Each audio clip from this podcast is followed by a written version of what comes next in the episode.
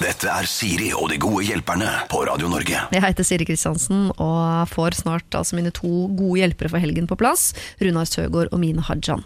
Sammen skal vi løse dine problemer. eh, Og jeg vet at det er mye kjærlighetsproblemer der ute, blant annet, men det fins også andre problemer. Eh, Grav litt i det, se hva du finner. Jeg eh, selv eh, skal ikke si at jeg lever et problemfritt liv, men én ting jeg har hatt lite problem med sånn opp igjennom, er at jeg har falt for en eller annen fyr som er helt idiot. Altså Jeg har falt for mye fyrer som ikke har falt for meg, men det gjør jo ikke han nødvendigvis til en idiot. Det gjør han bare til et helt vanlig menneske som ikke falt for meg. Men de jeg har falt for, som også har falt for meg, da, opp igjennom, har alltid vært altså veldig sånn sånne fyrer som man burde falle for. Og jeg vet jo at det er lett å falle for han du ikke burde falle for. Han som eh, ikke er den snilleste, han som kanskje er sammen med venninnen din allerede, og den type ting. Han du har vært sammen med før som du vet at ikke fungerer. Altså Det er så lett å falle for folk som du vet at du ikke burde falle for, eller falle for folk som du tror du burde falle for, men som viser seg at det var ikke så lurt. Av en eller annen merkelig grunn så har jeg hatt eh, flaks, eller god intuisjon, eller hva det nå er, på å falle for de folka som jeg i etterkant også, selv om ikke det har fungert, ikke klarer å angre på, eller ikke klarer å se noe negativt ved, eller klarer å si noe negativt om. Og det eh, er jeg så takknemlig for, at ikke jeg sitter med masse sånn agg til eh, folk jeg tidligere har hatt en relasjon til. hvor jeg tenker sånn, Hvorfor kasta jeg bort den tiden? Hvorfor trodde jeg han var grei? Hvorfor trodde jeg at jeg falt for det der? Det har jeg veldig veldig lite av. Men jeg vet at det er mange som har en litt sånn uh, liste med folk som de angrer på at de har falt for, jeg angrer på at de har vært sammen med. Og så er det noen som også sitter og lurer på hvordan de skal klare å bryte dette mønsteret. En av dere skal vi prøve å hjelpe etterpå, og ved å hjelpe en av dere, så kanskje vi hjelper flere til å få opp øya på en eller annen måte som gjør at du slutter å falle for sånne type folk, men klarer å rette blikket i en annen retning. Vi skal også hjelpe andre eh, folk, andre problemer. eh, mye forskjellig vi skal ta på det i dag og i morgen. Og jeg gleder meg til å høre hva Mina og Runar har å by på. Siri og de gode hjelperne. Mitt navn er Siri, og jeg sitter eh, nå sammen med det som utgjør helgens gode hjelpere. Som er da radiopersonlighet, Farmen-favoritt for mange, Mina Hajan fra da Farmen i fjor. Og så har vi eh, coach og Farmen-kollega av Mina, eh, Runar Søgaard. God dag, begge to. Hei. Hei, hei. Eh, hva syns dere om årets cast i Farmen? Den har jo akkurat blitt sluppet ut. Åh, det er så magisk. Jeg får helt frysninger på ryggen. Altså, Nå er det mange der jeg ikke vet hvem er. Ja. Eh, men når Gunilla Persson er der, Ja. som Per Sandberg og Triana Iglesias det, det må jo bli magisk. Jeg kunne ønske jeg var der nå. Jeg, jeg, jeg, faen at ikke jeg ble med i år isteden. Ja, For du syns dramagreiene er gøy, liksom? Men jeg bare synes at det, det bør ikke være så mye sånn negativ drama, men at det skjer noe. Ja. Uh, den gruppa jeg var sammen med, var nydelige mennesker, men det var strebere. Det var liksom hele tiden jobbe, jobbe, jobbe, jobbe, jobbe. Ja. Til og med når produksjonen prøvde å gi oss goder, sånn litt uh, skinke og en øl, så var det liksom å bare få det i seg, og så fortsette å jobbe. Ja. Så det var en veldig skoleflink gjeng. Den, eh, de i år var de som ikke kom inn på skolen. på en måte. Ja, Ja. og det, det liker jeg. Og Ja. mine er allergiske mot jobbe, så Ja, er så allergisk. Ja, sånn Ja. fysisk sånn skuffebæsj og sånn er ikke noe for meg. Nei, jeg skjønner. Hva tenker du, Runar? Liker du den gjengen som skal inn der i år? Du, eh, jeg kjenner ikke casten kjempebra, men eh, Gunilla Persson hun er jo helt spinngalen. Ja. Så at det der kommer å bli Det kommer til å bli så episke TV... Ja, jeg bare håper ikke at, eh, at de er så gærne som de egentlig er. Jeg tenker på Per Sandberg og, og Gunilla, at de ikke er så gærne i starten. Ja. For ellers blir de bare sendt hjem. Og da er det jo ikke noe gøy. Da blir det bare streberne som blir igjen. ikke sant? Det er jo litt Ja. sånn typisk. Så jeg håper at de holder litt sånn low profile. Ja.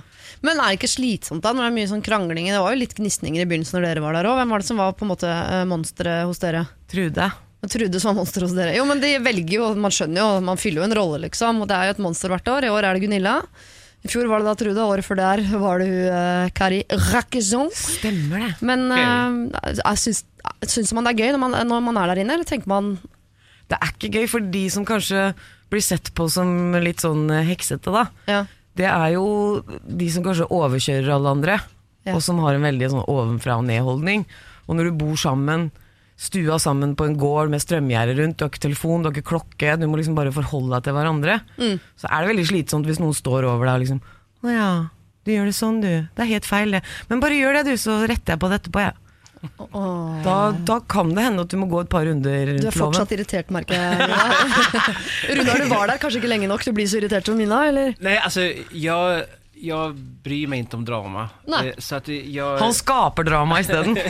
Bare skaper det, så drar derfra. Ja. Jag, jag, nej men alltså hela grejen med, med, tror jag, med Gunilla, alltså hon kommer ju bli, om du tar alla drama queens som har varit på både Farmen kjendis og Valifarmen og och bulter sammen, da har du Gunilla ja. som en segrare i alle fall. Alltså hon, jag känner folk som har varit i tv-crew med henne. Ja. Och alltså, du vet, de orkar inte, en säsong, de som jobbar en säsong med henne, ja. de orkar inte säsong två. Så de byter crew. Du sliter ut folk. Sliter ut Ja, folk? De må bytte ut hele crewet for hver sesong av Svenske alla, i, alla. I alle fall de fleste. i alle fall. Mm. For, for, altså, du vet, folk pallar ikke Hun er helt spinngalen. Altså, kattungene kommer til å dø, og gulrotene visner. Ja, ja. Det er det, altså. Nei, og hun kommer sikkert og, du vet liksom, hun, får, hun kommer ikke til å vare lenge, tror jeg. Jeg tror at hun kommer att ursäkta sig med att hon måste hem till mamma liksom. Ja, Hun går til å klikke Ja, mamma totalt. på å dø igjen Ja. För, för det er hennes stendige ursäkt. Ja. Ja. Eller kanskje dattera hennes skal ut med en ny musikkvideo eller noe sånt. Oi, nei, vi kan ikke begynne, vi kan ikke gå den veien. Vi kan ikke begynne, vi kan ikke begynne. Eh, Grunnen til at dere er her sammen, er jo ikke bare fordi dere har vært på Farmen sammen, men fordi dere i etterkant av Farmen eh, har startet en podkast sammen. Eh, eh, hva går den ut på? Det går jo på at vi har så forskjellige meninger. Mhm. Og jeg syns det er ekstra gøy å prate med folk jeg er totalt uenig med. Ja. Sånn, eh, jeg er ateist, superkristen her borte. Altså bare å lære mer om hva den andre siden tenker. Mm. Liksom, hvorfor går folk i tog mot homofili hvis det ikke har noe med dem å gjøre? Liksom, hva, hvorfor gidder du å bruke en dag på det? Mm. Det er ja, litt sånn svulstige hårete temaer. Ja, det er veldig mye hårete temaer. Vi- Vi har alt ifrån relationer og sex til populærkultur, politikk, miljø, altså relasjoner. Abort. Altså, all, allting liksom. Og Ja. eh, vi tykker ulike om precis alt, nesten. Men eh, vi tykker om hverandre. Ja. Og det kommer vi veldig veldig langt med. Så, så jeg tror at just i og med at vi lever i en utrolig polarisert verden, eh, der folk ikke vil prate med hverandre, eller de blir forbannet på hverandre, så tror jeg at vi kan på noe sätt inge lite hopp i alla fall, liksom att vi kan vara diametralt olika. Mm. Men ha en respektabel nivå och liksom, jag kan bara säga liksom, mina det fins veldig mange fantastiske mennesker med utrolig idiotiske ideer. Mm. Du er en utav dem. Jeg elsker deg i alle fall. Ok, det er Romeo og Julie, men på nye plattformer. Eh, det blir spennende å høre hva dere mener framover i dag. For eh, Vi skal ikke snakke så mye om eh, populærkultur eller eh, politikk, men sex og relasjoner, som du var innom, det blir det helt sikkert mye av fram til 11 i dag og fra 9 til 11 i morgen. Mine Hajan og Runar Søgaard altså skal få lov til å mene eh, helt forskjellige ting om de problemene du sender inn. Det er ikke for seint, send det inn til meg på Siri alfakrøll radionorge.no. Siri og de gode hjelperne. Radio Norge. Vi har fått inn et problem fra en som heter Elin, som skriver Kjære dere. Min svoger har fått seg dame som overhodet ingen i familien liker. De har vært sammen i nesten to år nå, og snart er det dåp. Altså ikke for de som par, men for et barn i familien, da. Eh, denne dåpen arrangeres langt unna, og det er kun nærmeste familie som blir invitert. Er det innafor å invitere kun svoger uten følge? Min samboer mener det er en uskreven regel at i bryllup, dåp og lignende så må man alltid invitere med følge. Men jeg mener at det ikke trenger å være sånn. Hva er deres synspunkter her? Takk for hjelp. Hilsen eh, Elin. Og da er det fristende å gå til deg, eh, Runar, først, som sikkert har et mer intenst forhold til dåp enn mine har. Og da Jag tycker ju absolut att man ska se till att ta med både, både och. Även fast man inte tycker om henne så tycker jag det är självklart att på en sån familjetillställning så måste hon få vara med även fast hela släkten hatar henne, som det verkar vara. Ingen tycker om henne. Men alltså det, man måste ha respekt för en persons egna val. Och när man är vuxen, man har en sambo. Mm. Det vore annorlunda om det var liksom en ny flickvän eller någonting. Da Då är det en annan grej. Men här är det en sambo, det är ett val som han måste då ha fattat och eh, två år har de varit tillsammans. Det betyder att då är det ju stabilt och uppenbarligen en tjej som han tycker om. Och det är det som är skönheten med de fria valen, att eh, de andra ska inte bry sig och lägga sig i. ja, så man må respektere altså, svogerens valg av uh, kjæreste her. Absolut, det måste man göra. Og det er ikke sånn, Jeg får jo ikke inntrykk av at hun har gjort noe ulovlig. Hun har ikke slått familiemedlem, de bare liker henne ikke. Men det kan jo ødelegge en hel dag som kunne vært hyggelig uten. da, Mina. Ja, men herregud. Altså, hvis det bare er at du ikke liker henne, så syns jeg egentlig bare familien skal stramme seg opp litt. Ja. Altså, Nå ville ikke jeg invitert til dåp, kanskje, men uh, altså Hvis det er sånn at hele familien ikke ville ha henne i dåpen, så mener jeg at hele familien trenger terapi. Ja. For det går jo ikke an. Du må jo klare å legge vekk det. Nå, jeg, jeg har opplevd noe av det samme i min egen familie, med noen som ble inngifta, som ingen eh, likte en stund. Og det er jo bare å bli voksen. Jeg husker jeg satte meg ned med dem og sa altså, ok, vi skal ha det mennesket her i livene våre for alltid, virker det sånn På grunn av at det har kommet barn ut av en og, og sånne ting. Så må bare skjerpe dere. Slutt å være så forbanna barnslige. Nå fikk du føding til å høres veldig ekkelt ut. Det har kommet barn ut av henne. Ja, det- Sykdom. Hun krøyp ut av porene eller et eller annet. herregud. Nej, men altså, hele, hele, den situasjonen er ganske åpenbart ikke altså, det er som Mina sier, att det är jo familjen som har problem. Alltså oavsett hur vidrig en människa är så det finns alltid samtalsämnen man kan prata om. Man kan prata om musik, man kan prata om väder, man kan prata om liksom saker och ting som händer. Alltså man behöver liksom inte bli jätteengagerad på djupet med en människa men man kan faktiskt ta sig i kragen och ha en vuxen, mogen diskusjon, eller dialog i alla fall med en person bara for litt sånn så här Ja, men hva till och ta. Men de er jo en, en hel familie. Det er ingen som liker den. Jeg Sånn, man kan godt si at alle de må skjerpe seg, men la oss si de er 10-12 stykker. da Kan 10-12 stykker ta så feil av et menneske? Det må jo være noe ved henne som, som er, gjør det veldig vanskelig å like. Hun kan jo ha gjort noe som, imot dem. Eh, hon kan liksom være diametralt ulik dem. Hun hon, kanske, kanskje kanske är som Mina. Kanskje det er som meg, og da skjønner jeg det veldig godt. Neida, men altså, det kan være mange ting. Eh, En venninne av meg gifta seg med en som kom fra et veldig, en veldig religiøs eh, familie. Mm. noen adventister eller noe sånt, tror jeg. Og da han valgte henne og gifta seg med henne, så har fra den dagen så er det ingen i familien hans som har prata med dem. Nei. De har kutta dem ut totalt. Og det er ingenting galt med henne, Nei. som han gifta seg med. Hun er bare ikke superkristen, sånn som familien hans. da Så de har kutta alt. Det er så rart at man tenker at øh, vi er ikke like, så vi kan ikke like hverandre. Det er det er- veldig rar. Så denne familien her kan. Nå vet vi ikke da Ellen hva det er hun har gjort, men det kan jo hende at den familien din nettopp trenger at hun her kommer inn og rokker litt grann ved øh, hvordan dere ser på verden rundt dere. Ja, Helt klart. Og ta noen runder med seg sjøl på hvorfor. Hva er, hva er du ikke liker? Jeg liker ikke at hun eh, spiser på den måten. Jeg vet ikke hva folk klarer å si om sånt, det er fordi Nei. det virker så fjernt, så lenge ikke hun har prøvd å true noen eller noe sånt. Men det kan jo være religiøse forskjeller, det kan være verdi, andre verdier, og da, sånn som Runar og jeg som lager podkast, da burde man kanskje lære litt av hverandre, da. Ja. Men kunne det vært en oppstrammer også, for nå sitter vi og utveksler erfaringer med folk vi kjenner som har gifta seg osv. Men jeg husker også en, en jeg kjenner som giftet seg som ikke inviterte sin svigermor. Uh, og det ble ordentlig dårlig stemning. De hadde hatt et dårlig forhold i mange år, og det var på en måte egentlig spikeren i kista. Sånn, du, 'Jeg vil ikke ha deg i bryllupet mitt'. Og etter det, da valgte denne svigermoren å bruke den situasjonen til å ta seg sammen, jobbe for å få et godt forhold, og i etterkant av dette så har de blitt gode venner. Så kan det hende at denne nye svigerinna inn trenger en liten sånn Wake up call. ja, en liten sånn eh, kalddusj, liksom, på at det er et eller annet du gjør som ingen liker. Kunne du uh, slutte å, å spise med rumpa, eller jeg vet ikke Ja, hva hun jeg vet driver med, ikke hva hun driver med. Ja, men jeg syns at istedenfor å si 'du kommer ikke i dåpen', Nei. så hadde det gått an at kanskje en representant fra familien eller noe sånt hadde kommet og sagt du, nå driver de og prater, nå driver de prater om å ikke be deg i dåpen. Mm. Og det er jo fordi vi føler sånn og sånn, og tatt en prat om det, da. Ja. Så hvis hun retter seg opp, så retter hun seg opp, men det høres jo i hvert fall ut som familien må rette seg opp litt òg. ja. Hadde du turt å ta den praten, Runar? Helt ærlig? Absolutt, det, det, det hade jag gjort. Fordi at, tyvärr så vi lever i et samhälle der folk er sosialt handikappede.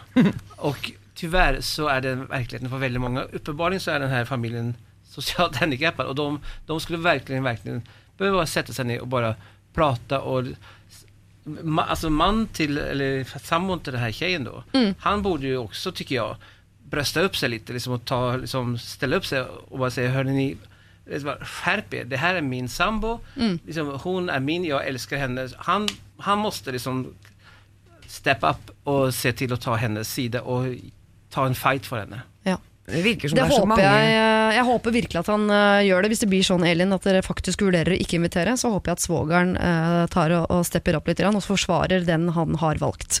Det må dere på mange måter uh, respektere. Han har valgt hvem han elsker. Det kommer til å være de i lang tid uh, framover. Og hvis det er sånn at ingen liker henne, så kan det hende at dere som familie bare skal ta dere sammen litt og se på henne med nye briller. Kanskje lære noe, rett og slett. Kanskje det kan bli en nye Mina og Runar, eller nye Romeo og Julie, eller altså Velg hvem du vil. Eh, men vi syns her at eh, dere skal invitere svoger, med følge. Siri og de gode hjelperne. Send oss en e-post på siri at radionorge.no. Fra Eagles og Hotel California så skal vi til en uh, ung uh, jente som kaller seg for uh, Sunniva, som mener å ha verdens kanskje dummeste problem. Til å løse dette problemet har jeg med meg denne helgen radiopersonlighet Mine Hajan, og jeg kan vel egentlig si radiopersonlighet om deg også, Runar Søgaard, fordi dere har denne podkasten sammen etter hvert. Skal vi se, her står det. Eh, Jeg er en 24 år gammel jente som har vært singel siden jeg var 16. Altså hele mitt voksne liv. Det er ikke det at jeg ikke finner gutter, men de jeg finner og faller pladask for, har uh, siden ungdomstiden har vist seg å være drittsekker alle sammen. Og med denne track recorden har det eh, gjort sånn at jeg er redd for å stole på noen og innlede nye forhold. Så det jeg lurer på er, kommer jeg til å være singel for alltid? Vanskelig å svare på. Uh, eh, Eller hvor finner jeg menn som ikke bare er slemme? Er det noen spesielle trekk jeg burde se etter? Jeg føler jeg har møtt alle gutter eh, jeg har møtt på forskjellige steder, og de virker jo alltid snille i starten. Vær så snill å hjelpe meg, så ikke jeg ender opp som en gammel dame med tolv katter. Hilsen da Sunniva. Jeg lengter jo å du er en gammel dame med tolv katter, Sunniva. Eh, første råd er bare å ikke kjøpe tolv katter. Veldig eh, Begynn med. Begynn med én katt. Begynn med en Nei, katt. Eller bare ikke begynne. begynn engang. Nei, Nei. nei, nei, for de formerer seg vet du, som katter. Men hund er bedre, for da kan du møte mannfolk når du er ute og går tur. Med bikkja. Med bikkja. Ja. Ha en litt sånn heftig hund som gutter syns er litt kult. Ja, ikke sånn veskehund. Ikke veskehund. Nei. Ja, kanskje det er noe, men eh, åh, nå, jeg er veldig flink til å sette mennesker i bås. eh, det beklager. Jeg vet ikke hvorfor jeg sier beklager til deg, Runar. Jeg, bare, jeg føler at du setter øyet i meg når jeg sier det. Men eh, hund, sånne gutter som faller for damer med hund, kan ikke de fort vekk være sånne folk hun ikke skal Ja, du bør ikke ha, Halv, halvcreepy? Ja. Du du bør ikke ha pitbull. Å nei. Men liksom okay. Og det er litt creepy hvis en mann som ikke har hund selv, kommer bort og bare så fin hund du har', da. Mm. Det er litt sånn creepy. Men det er jo, menn er jo ute og går tur med hunden sin, og så sier de 'Nei, så fin, det hva heter den da? Pisken', hva heter din da? Pjasken? Og så Mm, meant to be. Meant to be. Ja. Det kan godt hende. Men altså, hovedregelen her er vel å ikke date drittsekker. Jo, men de virker så snille i begynnelsen, alle sammen. Ja, men Det er der det er et eller annet som må skrus til. Uh, jeg var vel måste må finne et, et mønster hos seg selv. Ja. Hun må Ja. i- identifiera liksom, hva er det for personer som hun har dragits til. For det må finnes noen några gemen, som det heter på norsk. Eh, Alltså fällesnämnare hos de här drittsäckna. ja. Så hon måste börja med att identifiera vad är mitt destruktiva mönster. För uppenbarligen så dras hon till skitstövlar. Mm. Och eh, i och med att hon har varit nu singel i åtta år så är, det, så är det dags att hitta liksom en bra kille. För bra killar finns. Ja. Man, man måste börja leta på rätta ställen. Alltså, Ja, jag, eller- jag vet Holde øya oppe. Altså, jeg hadde en sånn litt sånn stygg tendens da jeg var sånn 15-16, at jeg var sammen med drittsekker. ja. Veldig veldig pene drittsekker. Ja. Det var vel det jeg gikk etter. Men det er noe med det derre den litt skadede personen som tiltrakk meg, tror jeg. Den som var litt bråkete, eller litt var først ute med å få moped og ikke hadde mopedlappen. Eller, Ja, for du har vel et eller annet inni deg som, som gjør at du har lyst til å redde folk? Er det ikke sånn? vil gjerne Gå inn redde situasjoner folk. og ordne. Ja, skal ordne opp. Og, og det, det gikk jo ikke så veldig bra da jeg var 16. Og etter det så prøvde jeg å ha fokus på Ok, de skal være snille. Ja. De skal være snille som De skal være supersnille. Eh, men det må være et eller annet inni der. En edge. Altså, jeg er sammen med verdens snilleste trønder. Han er så rolig, han går sakte, så alt går sakte, og alt er veldig chill. Men hvis det er noen som er slemme mot meg, så kommer han løpende. Du Ja. må ha en sånn. ja, ja. En som kan slåss, men som ikke gjør det. Ja, Før han må. ja, før han må. Ja. Og da må du kanskje ha noen som har levd litt. Ja. Som ikke bare har liksom sittet og sutta på puppen til mamma. Jeg tycker hun skal ta og søke antingen en, en eh, terapeut eller en coach för att prata med, av den enkla anledningen att upp, det här är ju uppenbarligen ett stort problem för henne. Ja. Eh, Og et stort problem løser man ikke på noen minutter eller på å sende inn et spørsmål til radioen, men hun, hun har uppenbarligen någonting som noen bør hjelpe henne å identifisere, hva det er som gjør at hun dras til den typen av personer. ja. Eh, alla kan dölja alla kan dölja sanningen en kortare tid, men uppenbarligen så- hon, hon behöver att hitta någon som kan hjälpa henne med att dra upp vissa riktlinjer och hjälpa henne att bli av med de här parametrarna som hon kanske väljer killar med, eller har valt killar med fram tills idag. Men kan det også hende at en ting er at hun tiltrekkes av disse guttene, og jeg tipper hun tiltrekkes av gutter som det er noe ved med en gang. Jeg tror liksom De guttene du burde se etter, er de som er kjedelige i starten. Altså Akkurat som en film. Ikke ta den filmen som begynner med eksplosjon, og så blir den kjedelig. Du må ta den filmen som virker Og den er ganske kjedelig, og så vokser den på det etter hvert. Men kan det være Hun la ved et bilde av seg selv. sa Sånn, kan det være noe med meg? Og jeg, Det vil ikke jeg bedømme på utseendet, men det kan vel være noe ved et menneske som gjør at drittsekker også tiltrekkes av hennes personlighet? Ja, at man, kanskje er lett, at, man, at man kanskje lett underkaster seg. da Altså, Jeg jobber en del i Bredtvet kvinnefengsel, og der er det jo en del damer som har gjort det mest ekstreme med mannfolka sine. På en måte, De er jo ikke her lenger. Og det som ofte viser seg, er at det er noe daddy issues. Ja. Det, er, det har vært noe issues om det er med far eller med menn tidligere i livet, som har gjort at de har gått etter den type mannfolk sjøl. Egentlig litt sånn ubevisst òg. Så det kan jo hende det ligger noe i, noe i her. At du har familiemedlem eller en mann som har vært i livet hennes en gang, som var sånn. Og nå ser hun etter sånne. Ja, eller det at øh, kanskje hennes første kjærlighet var, var sånn, og da når hun leter etter den neste, så går man og leter etter Fordi man vil finne igjen den følelsen man hadde i starten, så da går man og leter etter en eller annen slags kopi av eksen. Selv om man ikke liker eksen. Er mye rare mekanismer her, Sunna. Vi vet ikke. Det eneste vi ikke vet, er at du kommer ikke til å ende opp som en gammel røy med tolv katter. Fordi når vi har bedt deg om å ikke kjøpe katt. Eh, og du har jo draget, for du sier at du har møtt masse gutter. Du må bare se etter noen som kanskje kan virke litt kjedeligere i starten. Eh, og så må du finne ut av, om du gjør det hos en terapeut eller en coach, eller hva du velger, om det er noe eh, ved deg også som kan gjøre at, er, eh, at denne typen gutter faller for sånne type jenter som deg. Det er vanskelig for oss å svare på. Men i hvert fall start med å ikke kjøpe katt. Siri og de gode hjelperne. Send oss en e-post på siri at radionorge.no. Lilly har et problem jeg ikke har vært borti før, for å være helt uh, ærlig. Det handler om kjærlighet, sjalusi, men også tatoveringer. Jeg har gått uh, singel i mange år før jeg møtte min nåværende kjæreste og samboer. Som singel har jeg alltid følt meg bra, men etter at jeg fikk meg kjæreste, så har jeg blitt mye mer selvbevisst. Han er flink til å si at jeg er fin, men det er en tatovering som plager meg veldig. Den får meg til å føle meg ikke fin nok. Jeg har små pupper og trener mye, men jeg ser ikke ut som en pinup-girl. Tatoveringen som plager meg, er av en pinup-girl. Jeg er jo veldig imot det presset vi jenter og damer uh, er under i dagens samfunn, Uh, men jeg syns også det er tøft å se denne tatoveringen og, og hva den står for hver eneste gang jeg ser kjæresten min. Han sier selv at den ikke står for noe seksuelt, det er fra en rockabilly-periode i livet hans, og han sier at han valgte dette motivet fordi han syntes det var fint. Jeg spør om han ønsker at jeg skal se sånn ut, om jeg skal ta silikon for å ligne mer på denne pinup-dama, men da sier han at selvfølgelig nei. Jeg stoler på han når han sier det, men jeg er redd for at han innerst inne fantaserer om andre damer enn meg. Dette sårer meg og gjør meg enormt usikker på om jeg kan stole på han. I tillegg legger jeg merke til at han snur seg til flotte damer på gata. Jeg har aldri vært så eh, oppmerksom før jeg er på rumper og pupper som etter jeg ble sammen med han. Jeg hater å føle meg usikker og lurer på om dette er et forhold jeg kan satse på. Jeg er 36 og føler at jeg ikke kan kaste bort tiden med feil menn. Hilsen Lilly. Feil menn virker som er et tema her. Eh, Beklager, Runar. Må ikke følge hva er, hva, er det, Lily, hva er det som gjør at hun blir så usikker? Er det den tatoveringen? Jeg tror at det som gjør henne eh, så usikker, det er hennes egen selvbilde. Ja. Ja.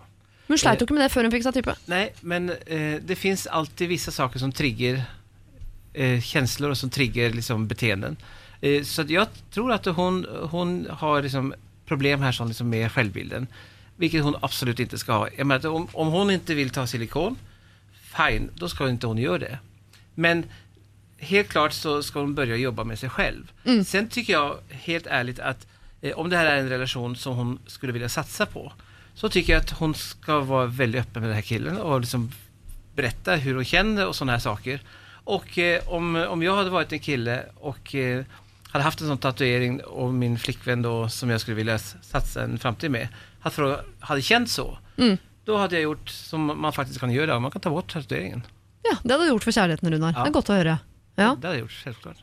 Men, det, med en gang jeg leste et problem, så ble jeg litt i stuss, skal jeg innrømme. Men jeg har vært borti lignende problemstillinger. At man kan føle seg trua. At å ja, når han ser på porno, så ser han på sånne type damer. Uh, uh, jeg har jo vært, eh, hatt kjærester selv som når jeg spør hvem er den peneste skuespilleren du vet om i Hollywood, så ligner hun ikke på meg. Så jeg sånn, hva? Hun ligner jo ikke på meg i det hele tatt. At man kan bli usikker på hvorfor liker du meg når du også liker dette. Men det går helt fint an å like to veldig forskjellige ting. Ja. Både Det er klart. Og så tenker jeg at det, det er en sånn typisk kvinnegreie det her med å overtenke ting. Vi skal alltid overtenke Å, se den pinup-dame. Han var i en rockabilly-periode. Alle som har vært det, har en eller annen pinup på, på skjorta si eller på kroppen sin et eller annet sted. Og det er jo bare fordi det var jo den eh, kvinnefrigjøringa og kroppsfrigjøringa den gangen, det går an å feire. Det går an å si at pinup-damer er råflotte. Ja. For de hadde store pupper og store rumper og sånn. Så jeg tenker at det her er mer hennes ja, måte å overtenke på, men samtidig så hører du hun skriver om at hun har små pupper. Ja. Der hører du usikkerheten med en gang. Jeg har små pupper og ja.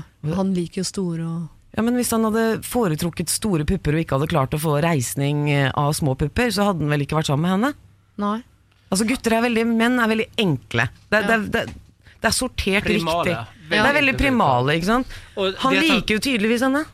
Ja, Ellers hadde han ikke vært sammen med henne. Mens vi damer vi kan være sånn Jeg liker den av det og det. Men... Jeg liker egentlig, egentlig han, men jeg liker at han liker meg. Ja, Ja. ikke sant? Men menn er jo ikke sånn. Nei. Nei, altså, det er jo et naturlig beteende blant killer. At, liksom, ser man noe nytt på gatan så vänder man sig om. Mm. Det är liksom ingen sån otrohetsresa som påbörjas utan det är bara liksom instinktivt. Alltså, du kan gå på gamlehjem och se gamla gubber liksom, sikla liksom. Ja. Och så kommer det liksom en ung eh, sköterska och liksom, de vänder sig även fast de är 72 år. år. mer, si. Ja, ikke Ja. Men altså, det er klart, om, det er et, om hun tycker at det er et jätteproblem, liksom at han går og vender seg hele tiden, ja, men ta, ta tag i pungen og klem og så skvisa til den og si 'her er jeg'. Ja. Klemme pungen og skvise. Altså, det hun kan uh, si til han hvis de er sammen over lengre tid utover der, altså, hadde han, det vært litt tak i han, så hadde han dratt en tatovør og sagt kan ikke du lage en feit pinup til meg?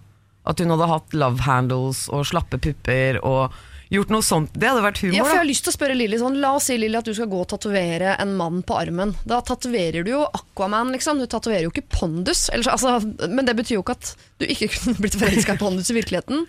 Og så spør hun Jeg hater å føle meg usikker. Det forstår vi. Jeg lurer på om dette forholdet er å satse på. Eh, Du, du kan ikke ikke satse på en fyr fordi han har en tatovering du blir usikker av. Når usikkerheten ligger hos deg. Du kommer helt sikkert til å da bli usikker også på neste fyr. Ja. Ja, men tror du ikke usikkerheten Hvis hun allerede er usikker nå, så er det ikke kanskje, har det kanskje ikke så mye å gjøre med pinup-dama? Da da kanskje, ja, da kanskje du skal gjøre slutt, da. Hvis du er så usikker på grunnlag av sånne bitte små ting. Ja, men Skal hun ikke bli i forholdet og jobbe med seg sjøl?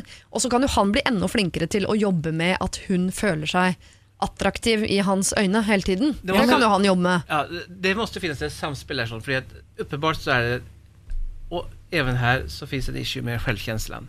Og den må hun ta i tur med. Samtidig, når det gjelder frågan om hun skal satse eller ikke, så må de jo ta et ordentlig snakk. Liksom, mm. og, og, hun må være ærlig og si vet du hva, så her kjenner jeg Jeg syns ikke om å kjenne så här, men jag känner så på grund av min egen osäkerhet och när du gör sån eller när du är sån så blir det här förstärkt.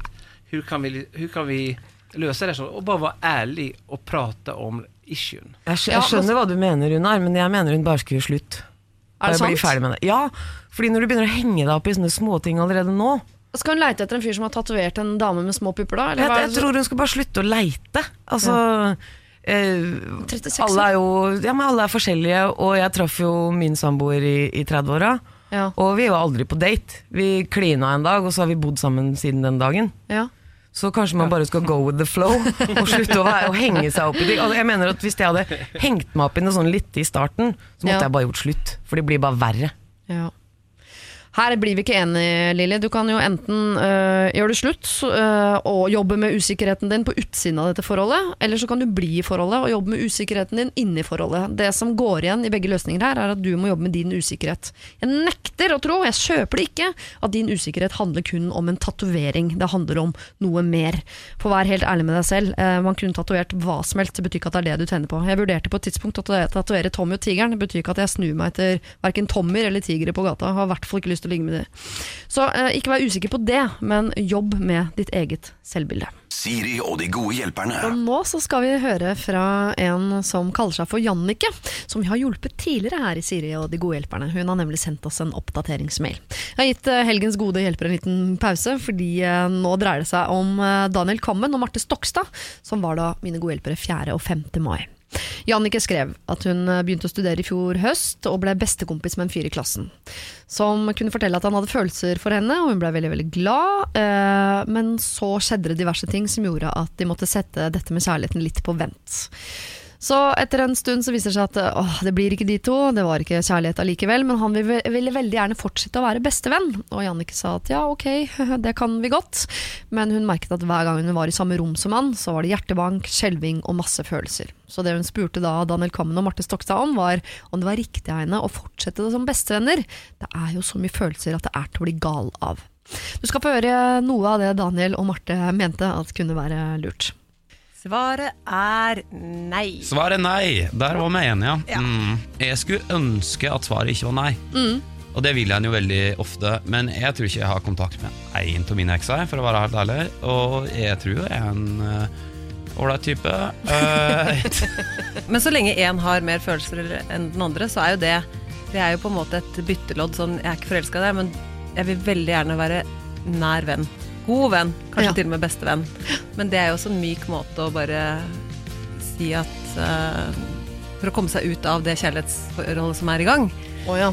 Så, du tror nesten ikke han egentlig mener det heller? At han tenker bare sånn Jeg skal i hvert fall bare slippe å være kjæreste? men du hører jo om folk hele tida som er liksom venner med eksene sine, da. Men de må jo være sjuke folk. Og er du litt hypp på å få den tilbake, så er nok litt distanse også en veldig god strategi. Ja. Og da enten så går det over for din egen del, Ja. eller så får du ha den på kroken igjen. Mm, ja, vi får se, vi får se. Dette var bare et eh, bruddstykke av hva Daniel Kamen og Marte Stokstad mente at Jannicke kunne tenke, gjøre, føle om eh, denne eh, gutten som hun var forelsket i, men som nok bare kunne være en bestevenn. Nå skriver hun. Hallo ja, jeg hørte på, tusen takk for svar, det var moro å høre på dere. Jeg må vel si at Bestevennprosjektet fungerer ganske greit. Var, dere var litt inne på dette med at vi går i samme klasse, og at det er ganske uunngåelig å ikke være venner. Denne kjølige avstanden dere mente jeg skulle holde, er ikke helt meg. Eller eh, han, for så vidt. Og som Marte var inne på med at eh, det er ikke sikkert at han for guds skyld må beholde meg som venn, tror jeg kanskje er nettopp det han vil. Altså at han på en helt ektefølt måte har utrolig lyst til å være bestevenn, fordi nettopp dette fungerer så bra. Så en litt vrien situasjon, men jeg klarer ikke å takke nei til bestevennen min. Så situasjonen er som den er. Jeg tror det er mest ønskelig fra min side også, øh, også at det er sånn. Så råd til heller hvordan håndtere situasjonen som nå er som den er, på best mulig måte tas imot med takk. Det er vi kanskje mer på et øh, psykologisk nivå, men tipper flere er i lignende situasjon. Hilsen Jannicke. Eh, Jannicke, det tipper jeg også. Og er du det, så send inn problemet ditt eh, til oss, da. Siri Alfakrøll, radionorge.no. Siri og de gode hjelperne. Lørdag og søndag fra 09.00 på Radio Norge. Med meg i Siri og de gode hjelperne denne helgen så har jeg med meg to stykker som traff hverandre på en bondegård, altså på Farmen kjendis i fjor, og som i ettertid har startet en podkast sammen, Mine Hajan og Runar Søgaard. Vi eh, skal se på et problem som handler om jul, vi dere. Det er litt tidlig. Det Føles tidlig. det, ja, det er veldig, veldig tidlig, men det er altså med 17. mai friskt i minne som er grunnen til at dette sendes inn. 17. mai har så vidt lagt seg, her sitter jeg og lurer på hvordan jula blir. Jeg har en sønn med en mann jeg aldri har vært sammen med. Det var vanskelig i starten, men etter hvert har det gått seg til. Vi har begge hver vår nye kjæreste, men der han har fått flere barn, så har vi av ulike grunner ikke det. Det vil si at vi annenhver jul er bare oss, altså ingen barn. Det er litt stusslig. Vi har heller ingen annen familie som det er naturlig for oss å være sammen med. Far til min sønn og hans kone er på mange måter i samme situasjon, men de har jo da barn hver eneste jul. De har en tradisjon for å reise på et eh, sted familien til, som familien til kona eier, og jeg vil være med. Vi feirer jo andre ting sammen, vi tilbringer tid sammen, og det er helt problemfritt, det er faktisk ganske hyggelig. Men jeg vet at denne kona har vært litt sjalu tidligere, men jeg tror det er over nå. Det burde det være, for det har aldri vært følelser mellom hennes mann og meg. Sønnen vår elsker å være sammen med oss, og han syns det er rart å ikke skulle være sammen med sine søsken i julen. Og julen uten han er altså så stusslig at jeg vet ikke om jeg takler flere av dem. Kan jeg invitere meg selv? Kall meg Elisabeth. Kan man invitere seg selv i, på julaften til nye dama til det som aldri var typen? Ja, men det er klart du kan det. Du må jo bare ta en prat med henne. Og bare si, at, bare si akkurat, bare lese opp den meldinga der for uh, kona til eksen. Ja. Bare si at eh, vi har det pestkjedelig annenhver jul, vi syns det er forferdelig, han vil gjerne være sammen med søsknene sine, hvorfor kan vi ikke gjøre det hvert år? Eh, kanskje de skal finne på en helt ny løsning òg? Eh, hva hvis vi leier en hytte sammen et helt annet sted? Så blir det en helt fersk tradisjon. Altså blir uh, nøytral grunn, liksom? Ikke sant, Så ikke de henger seg på en tradisjon eh, hos noen andre. Men det er klart det er litt sånn kleint òg, for de, vil, de hadde vel sikkert bedt henne hvis de syntes det hadde vært ålreit. Ja, de hadde jo kanskje det, men det kan jo hende vi ikke har tenkt på heller. At de bare, man tenker på seg og sitt. Åh, jula i år blir fin, da skal vi opp dit på gården til bestemor. Og ungene og alt er der, og, det er, så- og så tenker de ikke på De tenker kanskje at Elisabeth og den nye mannen har sine tradisjoner, da. Ja, Da Eller- må de jo i hvert fall prate sammen Ja. og, og rydde opp i det. Og på den annen side så går det jo an å lage seg en egen tradisjon. Da. At du, du, og mannen din er alene annenhver jul. Hvordan kan du bruke det? Hadde det vært meg, så hadde jeg satt meg på et fly til Costa Rica. ja. Ikke sant? Ligge på stranda. Ikke ha noe hjul rundt seg, for da får du ikke den påminnelsen. Altså Rent personlig er det noe der som høres diggere ut enn å henge med en ny dama til han fyren du har unge med, for å være helt ærlig. Men eh, det er jo det med dette barnet, at det, blir stu det er jo rart som mor å skulle feire jul uten barna sine. Det må jo være rart, selv om det er realiteten for veldig mange. Ja, altså det er jo det her som er eh, et kjempeproblem i dagens samfunn. Eh, vi lever i en tid der allting forandres hele tiden. Før så hadde foreldre mange barn. Dag har barn mange foreldre. Mm. Allting forandres. Og jeg er jo som person, jeg elsker jo julen. Det er liksom Disney deluxe hjemme hos meg. Jeg skulle aldri ever ville fira jul liksom med noen av mine ex. Nei. Absolut inte. Och jag, ty jag tycker inte att det är okej att be in sig själv. Utan precis som Mina säger, skapa egna, egna traditioner och eh, respektera deras space, deras jul och sen så se till bara att det gemensamma barnet har det bäst möjligt och i och med att han verkar tycka om julen med dem så är det väl bara att göra maximalt utav varannan jul. Ja. Och inte liksom kliva in för det att det att de, i och med att de tydligen har träffats och de kan umgås utan att, att klösa ögonen ur varandra. Så, ja men fine, men då träffas man de tillfällen, om det är födelsedagar eller vad det nu kan vara för någonting. Men att de inte har bjudit in till jul, det kan jeg forstå. Og da tycker ikke jag heller at man skal liksom du- Tvinge seg på. Nei, altså, men er det ikke det veldig norskt at det liksom alle skal sitte på hver sin tue? Jo, Jeg det. elsker jo det derre asiatiske konseptet med Men du er at fra eh, Iran. Ja, men jeg er fra Iran. Ja, der er det generasjonsboliger der òg. Ja, hvis jeg kunne fått min drøm eh, gjort til virkelighet, så hadde det vært å bodd på et tun hvor alle i familien hadde hatt hvert sitt hus, Ja. og vi hadde bodd sammen der. Ja. Og kan hjelpe hverandre og, og alt sånt. Så jeg føler at den norske familieoppbyggingen går på liksom Nå er det oss, nå er det vi som skal ha denne tiden. Mm. Det er bare for oss også. For det, dere, dere får tid neste år! Altså, ja. Det blir så egoistisk det òg, fordi hvis man tenker på hva er best for barnet, er det ikke det man alltid skal gjøre? Jo. Uansett hva man tenker, så går man tilbake til Hva er best for barna? Mm. Nettopp. Og det beste for barna er det samme med begge foreldrene sine og hele familien sin Ja, for jeg tenker Når man nå først sier at uh, verden forandres hele tiden, og, uh, og det et barn trenger er stabilitet, så kanskje man ved å skape en felles tradisjon som nettopp er den stabiliteten, hvor eh, du er sammen med moren og faren din og ekstramammaen din og ekstrapappaen din og søsknene dine hvert eneste år, så uansett om du er her eller der, eller så er kan du banne på at 17. mai og julaften og disse tingene, da er alle samlet, og alle har det koselig. Og selv om det kanskje blir kleint første året, så tipper jeg på sikt at man vil uh, sitte i den julen og tenke sånn herregud så koselig at vi kan gjøre dette sammen. For de er jo bare fire mennesker som kanskje på en annen planet hadde vært bestevenner, men som akkurat på denne planeten så fikk to av de barn uten at det egentlig liksom var meningen. Så, Det er ikke sikkert i og med at jeg, altså, hans, hans tjej har tydeligvis bare börjat visa på at hun er litt avundsjuk. At hun er svartsjuk. nei, hun var det i begynnelsen, det har gått Ok, det har er gått over, ok. Ja. Ja, det går over, det, vet du. Men det er klart uh... Men den er litt rar, den der med å invitere seg selv. Fordi det er vanskelig å si nei til folk som inviterer seg selv. For du klarer ikke å se folk i øya og si sånn Om du kan komme til meg? Nei.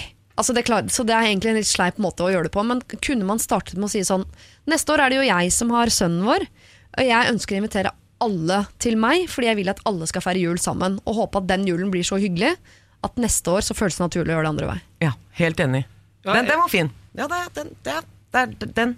Det er svaret. Ja, eller också liksom ställa en fråga kring det hele. Alltså fordi at nå- någonstans så, så tror jeg også at, at det blir Alltså hon får litt felaktiga forventninger også också om hun då bjuder in det ene året Ja. Og sen da blir det ombytta roller. Da kanskje de kjenner seg tvungna å si ja. Men, Men vad sen nästa vara- år kanskje kjenner att mm, nej men liksom vi, vi, vi stannar bare vi. Ja, men nå, ja, nå, nå men da man jo får man ett år hvor det er litt kleint, og så er man tilbake til det de har egentlig ønsket seg. Eh, alle, fall, da har man muligheten året etter til å få sagt sånn. fra på en subtil måte at det er ikke vår greie. Men hvorfor, hvorfor kan man ikke være ærlig? Ja, vi klarer Hvorfor ikke det det jo, jo, men man må ikke. gjøre det. Det er bare å gå hei. Du, hadde vært så kult hvis vi kunne feira jul sammen. Sønnen vår vil være sammen med oss hvert år. Kan vi ikke prøve å få til det? Og da er det jo mye lettere for den, med den kona til å si nei, men vi har våre tradisjoner. Ok, ja, men da gjør vi det sånn. Flott. Men Å bare være helt ærlig. Hvorfor skal vi alltid gå så mye rundt grøten? Ja, hvis jeg gjør det sånn, da, så kanskje de tenker sånn. Hva, Ærlig si det? Ja, sånn er det. Jeg vet ikke hvorfor det er sånn. Jeg skulle ønske det ikke var sånn, jeg også. Elisabeth, eh, her som på mye annet så langt eh, i dag, og vi sa det allerede innledningsvis, at eh, Runar og Mina kommer ikke til å være enige om så veldig mye, er vi heller ikke helt enige om hvordan man skal gå fram. Men det som virker som en slags gyllen middelvei som du kan benytte deg av, er at du inviterer til felles jul når det er din jul med barna. Og så får vi jo da eh, håpe at de svarer ærlig på den invitasjonen, og at det blir så hyggelig at de har lyst til å gjengjelde året etter. Siri og de gode hjelperne. Jeg tenkte jeg skulle ta dere med tilbake til Farmen et lite øyeblikk.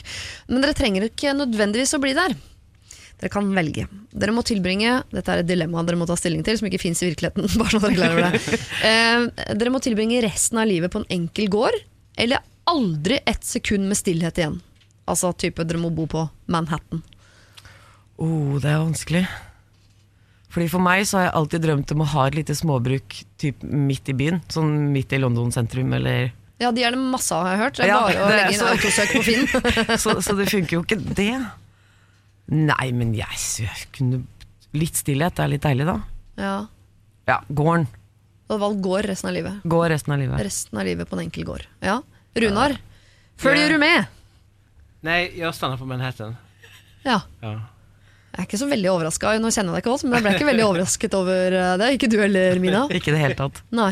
Men for du, eh, du trenger kanskje ikke stillhet for å få stillhet? Er det Nei, altså, jeg behøver ikke ställa Nei, bra uttrykk. den skal den skal jeg ta. Den skal jeg bruke. Nå Den tar skal den for bruke. alltid. Nå tar den, jeg tar 20 20 Nei, altså stillhet kan jeg skapa når som helst, hva som helst. Eh, men altså, å være på en gård resten av livet Mm.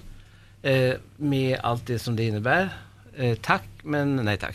Nei, men det blir ikke sånn som det var da vi var på gården. Vet du. Da vi var på gården, så hadde vi ikke klokke, og vi kunne ikke gå til naboen og bytte en ku mot en, en ost. Eller, Dattera altså, i huset, eller ja. dattera i huset. Sånne ting. Så det, det blir jo litt annerledes. Da kan, man, da kan man dra til byen og bestille pepperspizza. Nei, det er det du ikke kan. Du kan jo det, bare du går. går. du Det skulle være på gård resten av livet. Ja. ja, Nei, altså, det blir Manhattan.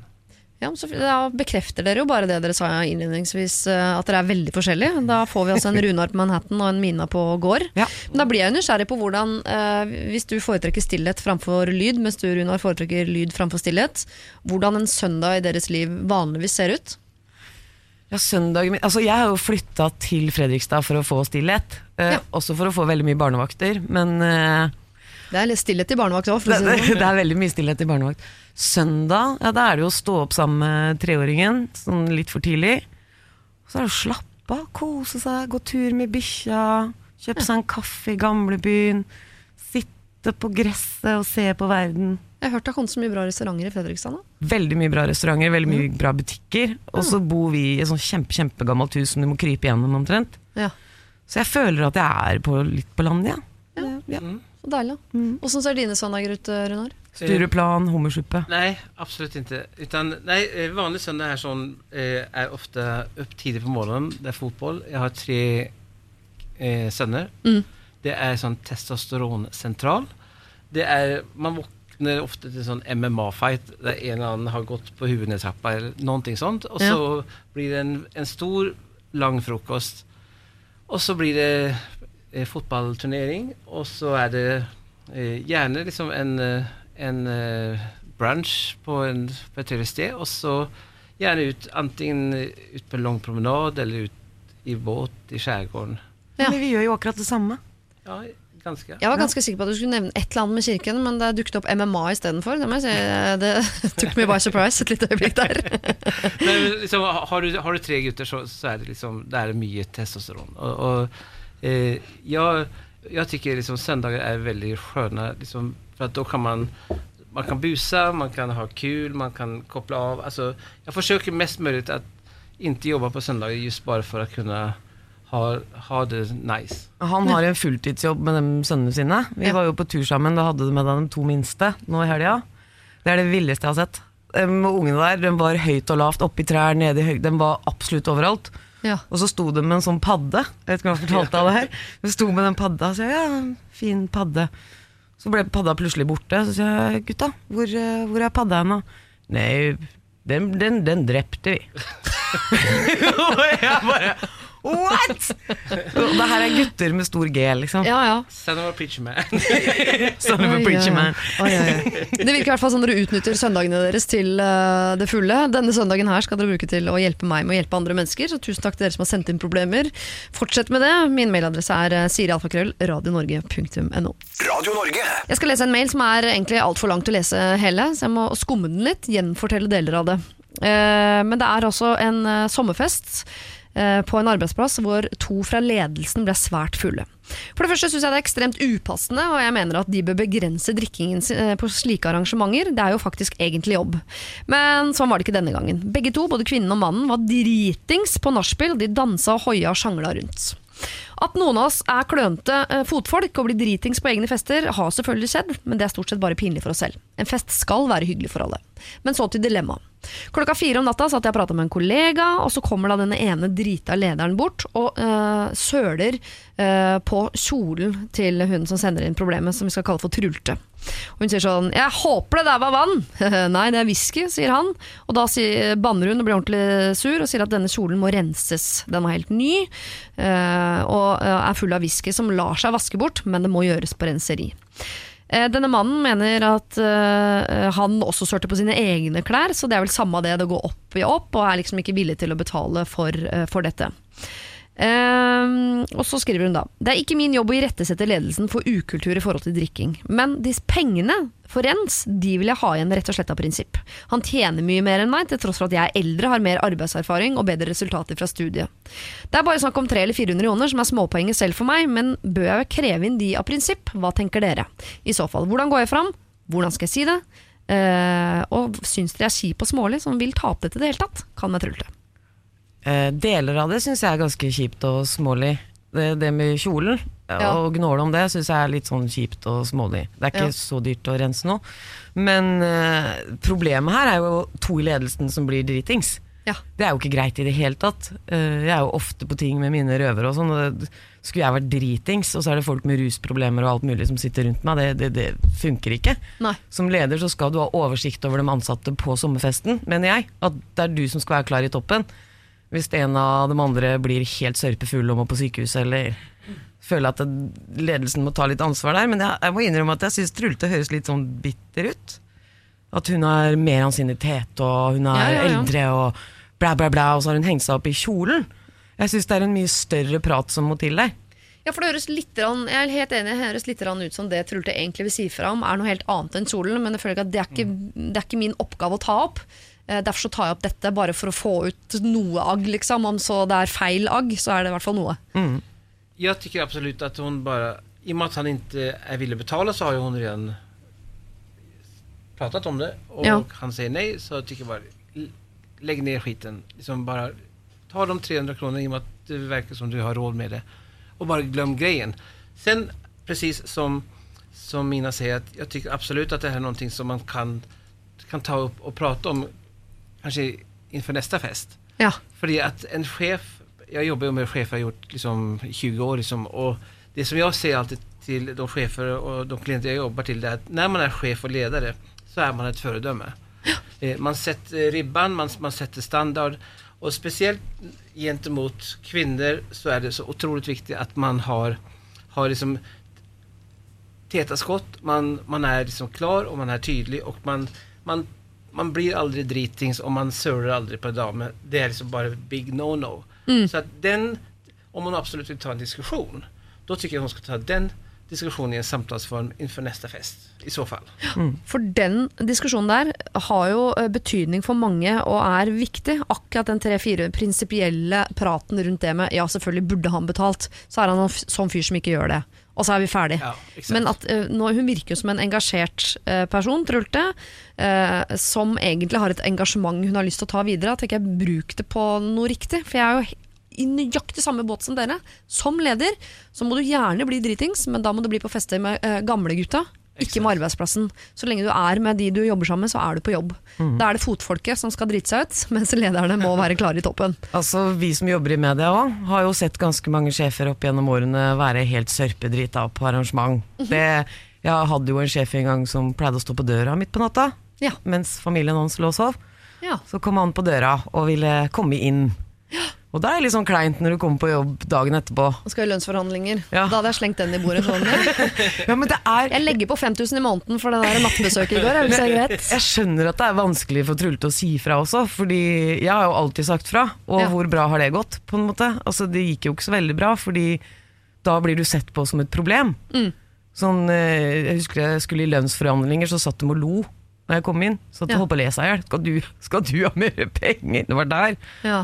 Så, du, så hvis du sier ja, men herregud, eh, vi har en avtale, jeg har jobba her så og så lenge du, du blir sett på som problemmaker da hvis du kommer med noen tilbakemelding. Du, sjefen var hos meg fire i natt, syns det er litt kjipt. liksom.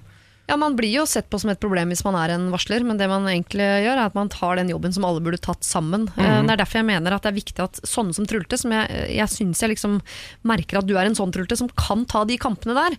Og hvis de som kan ta dem, slutter å ta dem, så er det ingen som tar dem. Derfor så vil vi at du skal ta det. Og da snakker vi ikke om de 300-400 kronene for den kjolen. Vi vil at du skal ta den kampen på arbeidsplassen om at ledelsen faktisk ikke kan bli helt eh, overstadig dritings på arrangementer eh, som er i, i regi av arbeidsplassen.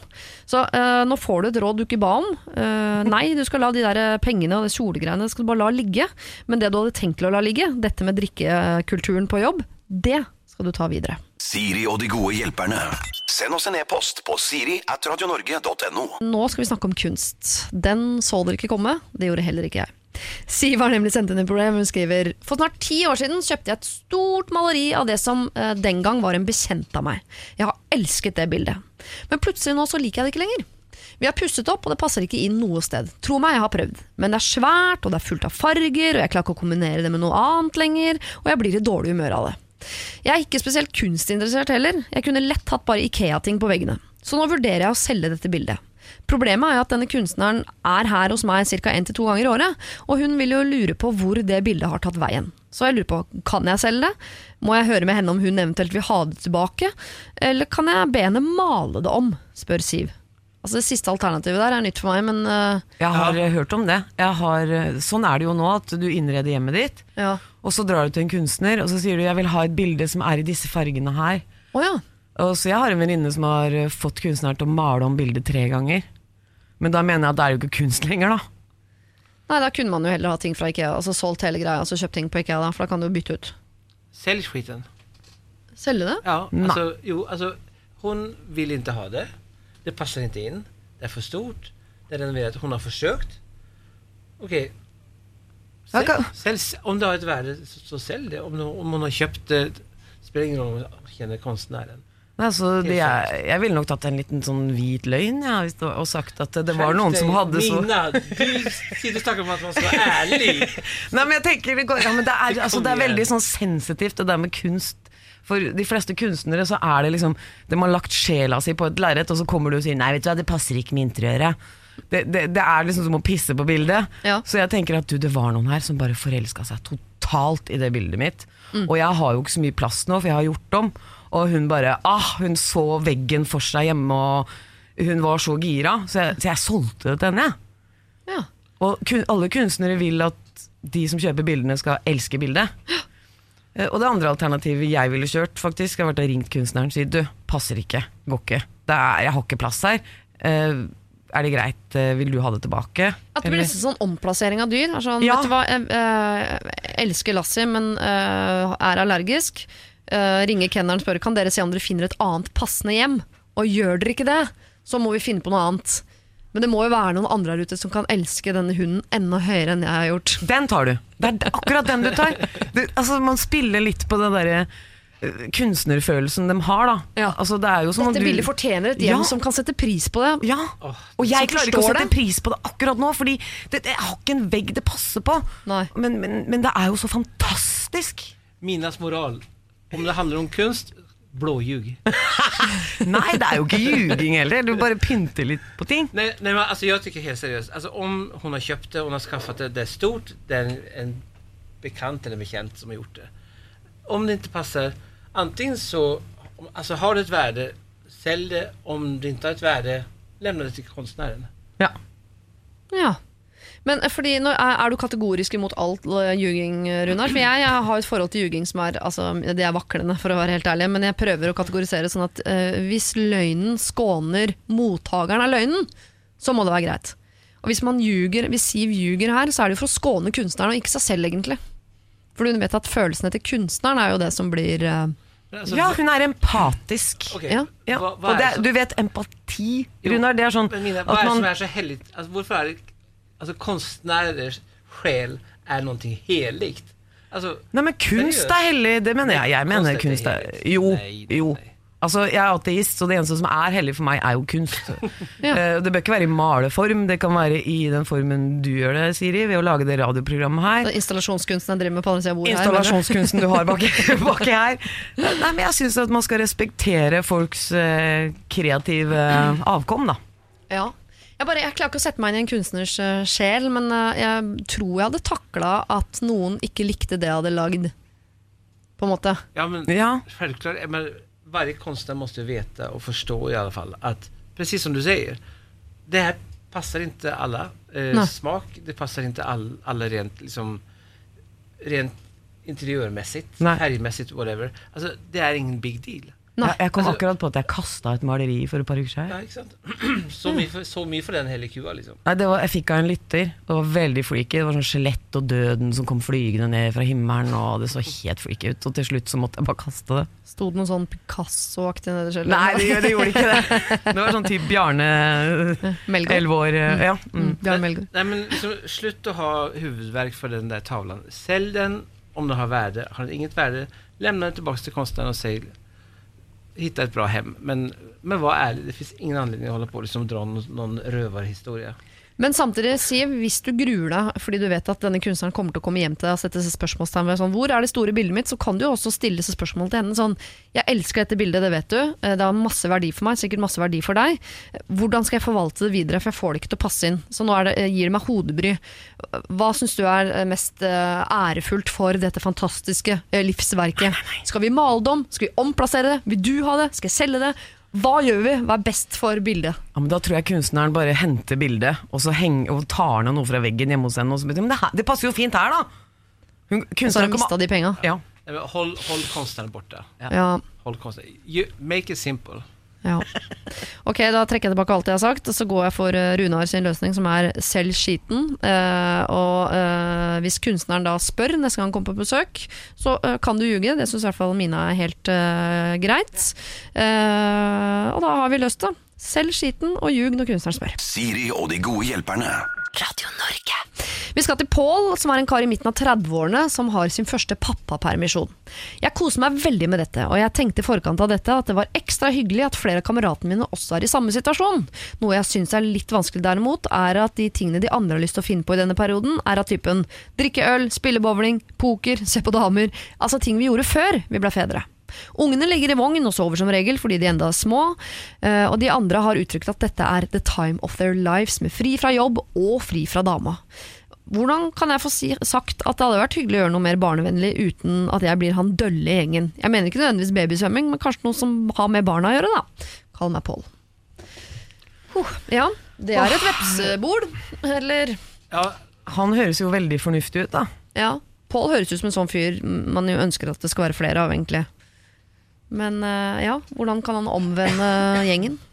Nei, det, det handler vel i grunnen om at Paul måste få, få de här killarna att förstå att liksom, när, du när du skaffar en tjej eller en dame, da, da får ungkarslivet en knekk. Mm -hmm. Når du skaffer barn, da dør det. Ja. Ungkarslivet eller eh, forholdet? Ok, ja. ja. Uh, og, og, og, altså, det er det her som, som är liksom så patetisk, syns jeg, liksom når, när nyblivna pappor Mm. ska försöka liksom å, å, att dricka öl och, och checka damer, alltså liksom prata damer eller whatever. Alltså, grow up, alltså bli vuxen liksom. Jag menar, allting har sin charm. Jag menar, när barn gör liksom barnsliga saker, liksom, det är gulligt och, och liksom, det är sött. Men liksom när 35-40-åriga män liksom gör patetiska saker så är det inte gulligt och sött, det är bara otroligt patetiskt. Och jag tycker Paul bara ska säga, grabbar, sluta bete er som svin, liksom, fokusera nu, vi är barnlediga, låt oss göra kul grejer med barnen.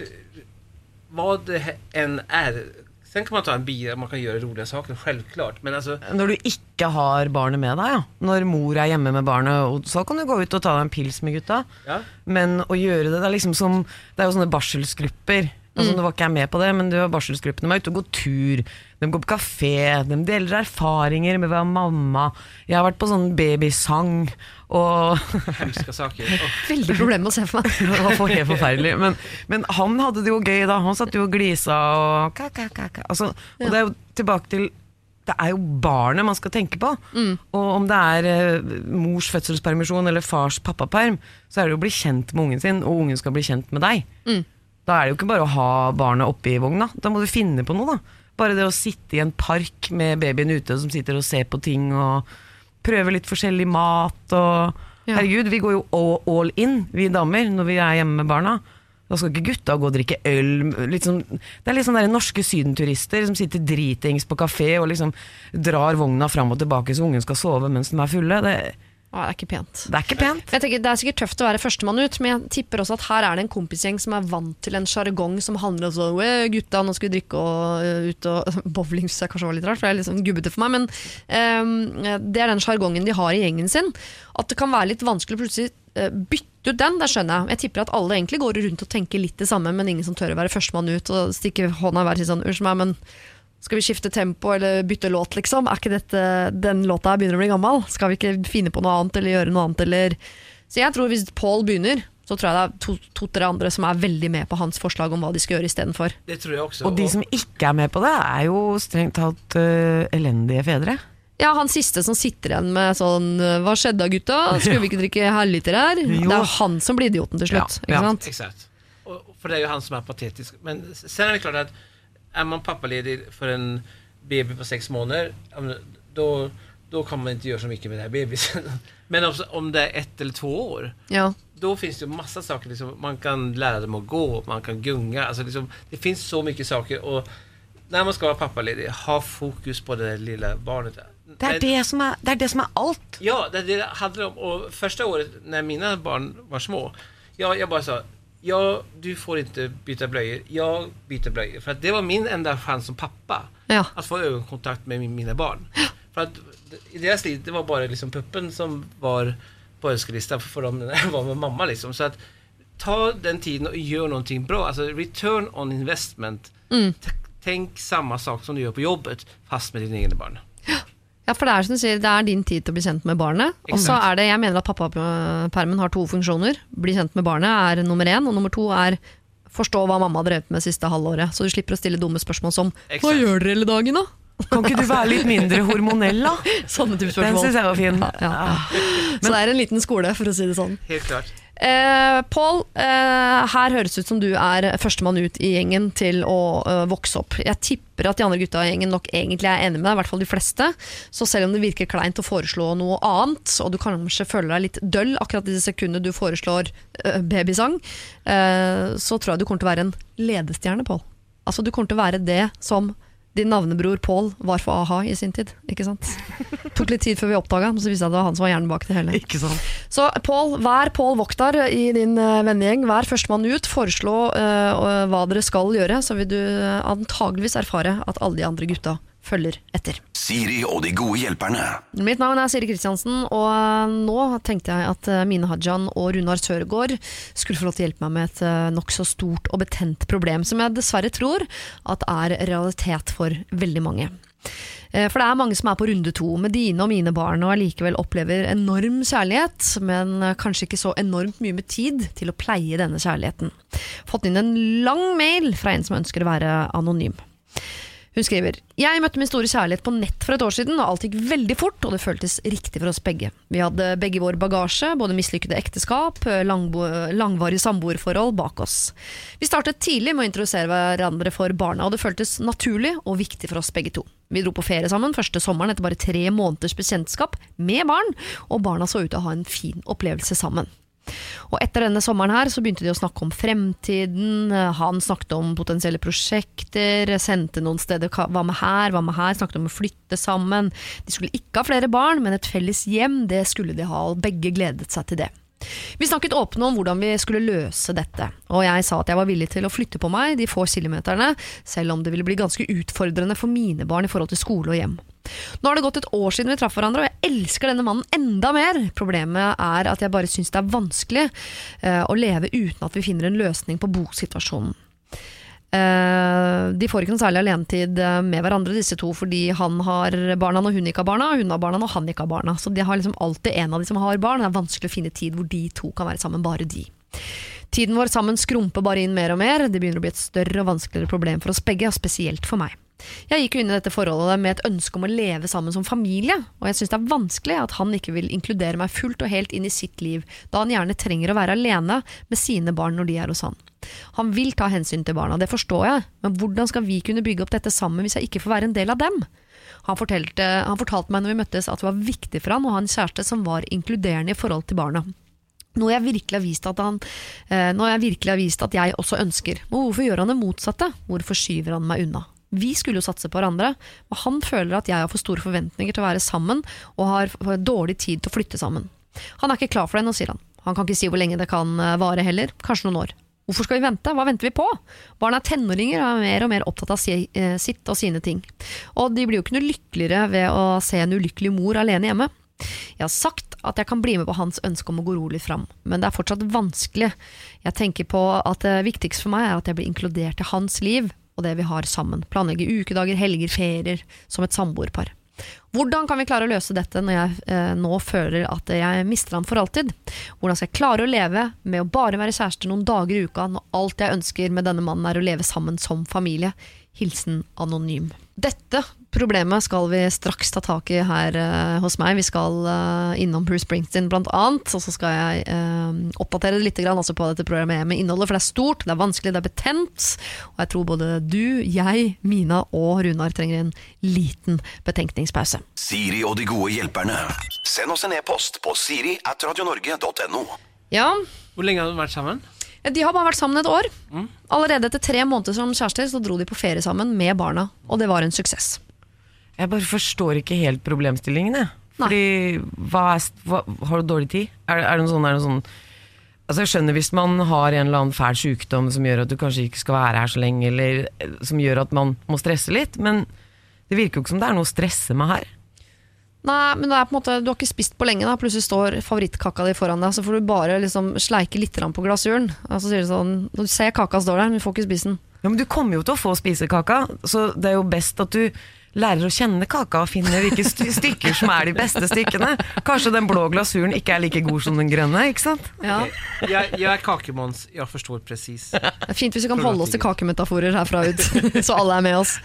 Men øh, øh, som mann da, Runar, hvordan tenker du på Ville du ha rusha dette, eller ville du ha ventet? For Jeg oppfatter at det er ofte jentene som vil ha alt på en gang. Ikke sant? Endelig, vi har funnet hverandre, det klaffer, la oss gjøre det. Rush er aldri bra. Nei. Nei. Eh, men sen så finns det en annan sida utav det hela. Och när man har varit tillsammans ett år, det funkar bra med barnen. Eh, allting verkar vara liksom, alla komponenter verkar vara intakta när det gäller att ha en, en härlig stor familj med kärlek och attraktion och passion, allt det där sånt. Då, då tycker jag att som man så tycker jag att det är hedervärt att mannen tänker på barnen. Mm. det är allt för få män som tänker på sina barn. Eh, så det er hedervärt. Däremot så tycker jag kanske att eh, han kanske behöver lite spark i rumpa för att han måste också förstå att om det då är så, vilket vi måste utgå ifrån, så bra att allting känns så bra så vidare och så vidare. Då ser inte jag problemet med vad som skulle finnas för skäl att fördröja den här processen.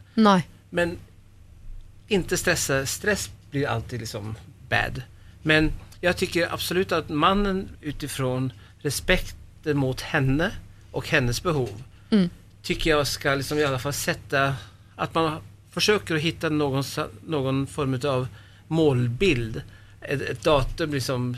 At man setter en dato, at innen da så har vi flyttet Nei. så skal vi, skal vi gjort det. Altså for, for, at hun skal kunne kjenne seg nøyd, mm. og at han skal få tid å forberede barnen eller hva det nå er, som gjør at han hesitate, eller att, att han er litt sånn tveksam. For att i, relasjon man man måste å tilgodese både parter.